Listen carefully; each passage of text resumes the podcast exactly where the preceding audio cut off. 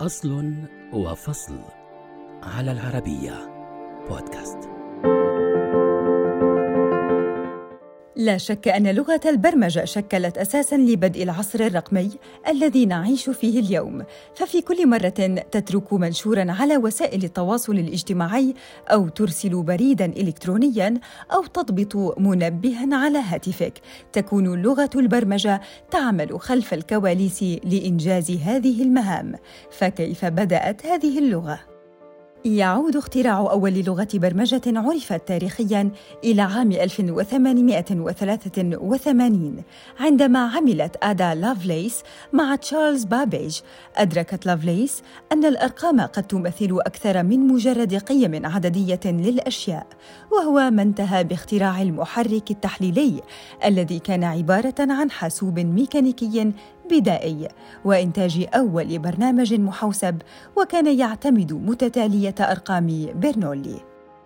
ما بين عامي 1944 و 1945 طور كونراد زوس أول لغة برمجة حقيقية باعتماد حساب التفاضل والتكامل وكانت تسمى بلان كالكول وكانت قادرة على إنشاء الإجراءات وتخزين التعليمات البرمجية.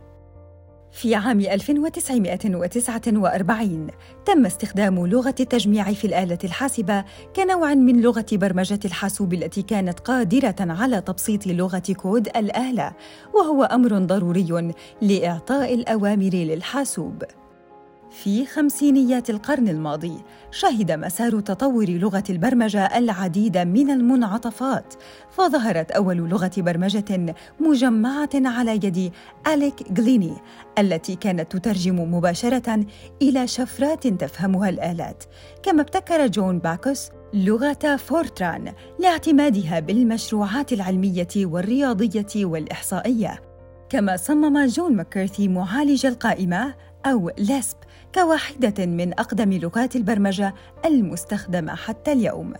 وهي الفترة ذاتها التي شهدت إنشاء اللغة الخوارزمية أو ما يعرف بلغة آلغول من قبل لجنة مشتركة من علماء الكمبيوتر الأمريكيين والأوروبيين، والتي كانت بمثابة نقطة انطلاق لتطوير العديد من اللغات الأخرى، كما عرفت لغات أخرى مثل كوبول المعتمدة في الأنظمة المصرفية.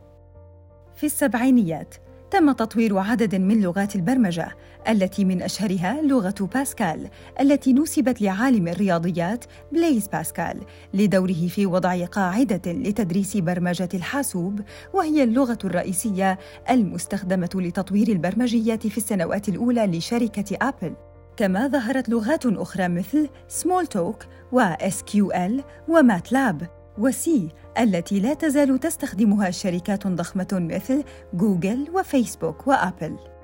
في التسعينيات ظهرت لغة هاسكيل وهي لغة برمجة للأغراض العامة كما تم ابتكار لغة بايثون التي تعد واحدة من أكثر لغات البرمجة شيوعاً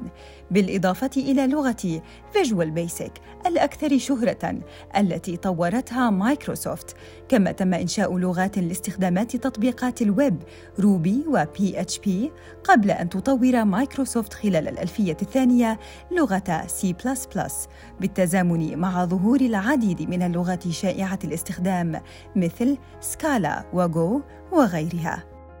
اليوم وكما حدث على مدار المئة والخمسين عاماً الماضية فإنه يمكن التنبؤ بأن لغة العصر الرقمي ستستمر في التطور، لكن أحداً لا يعلم ما قد يجلبه المستقبل.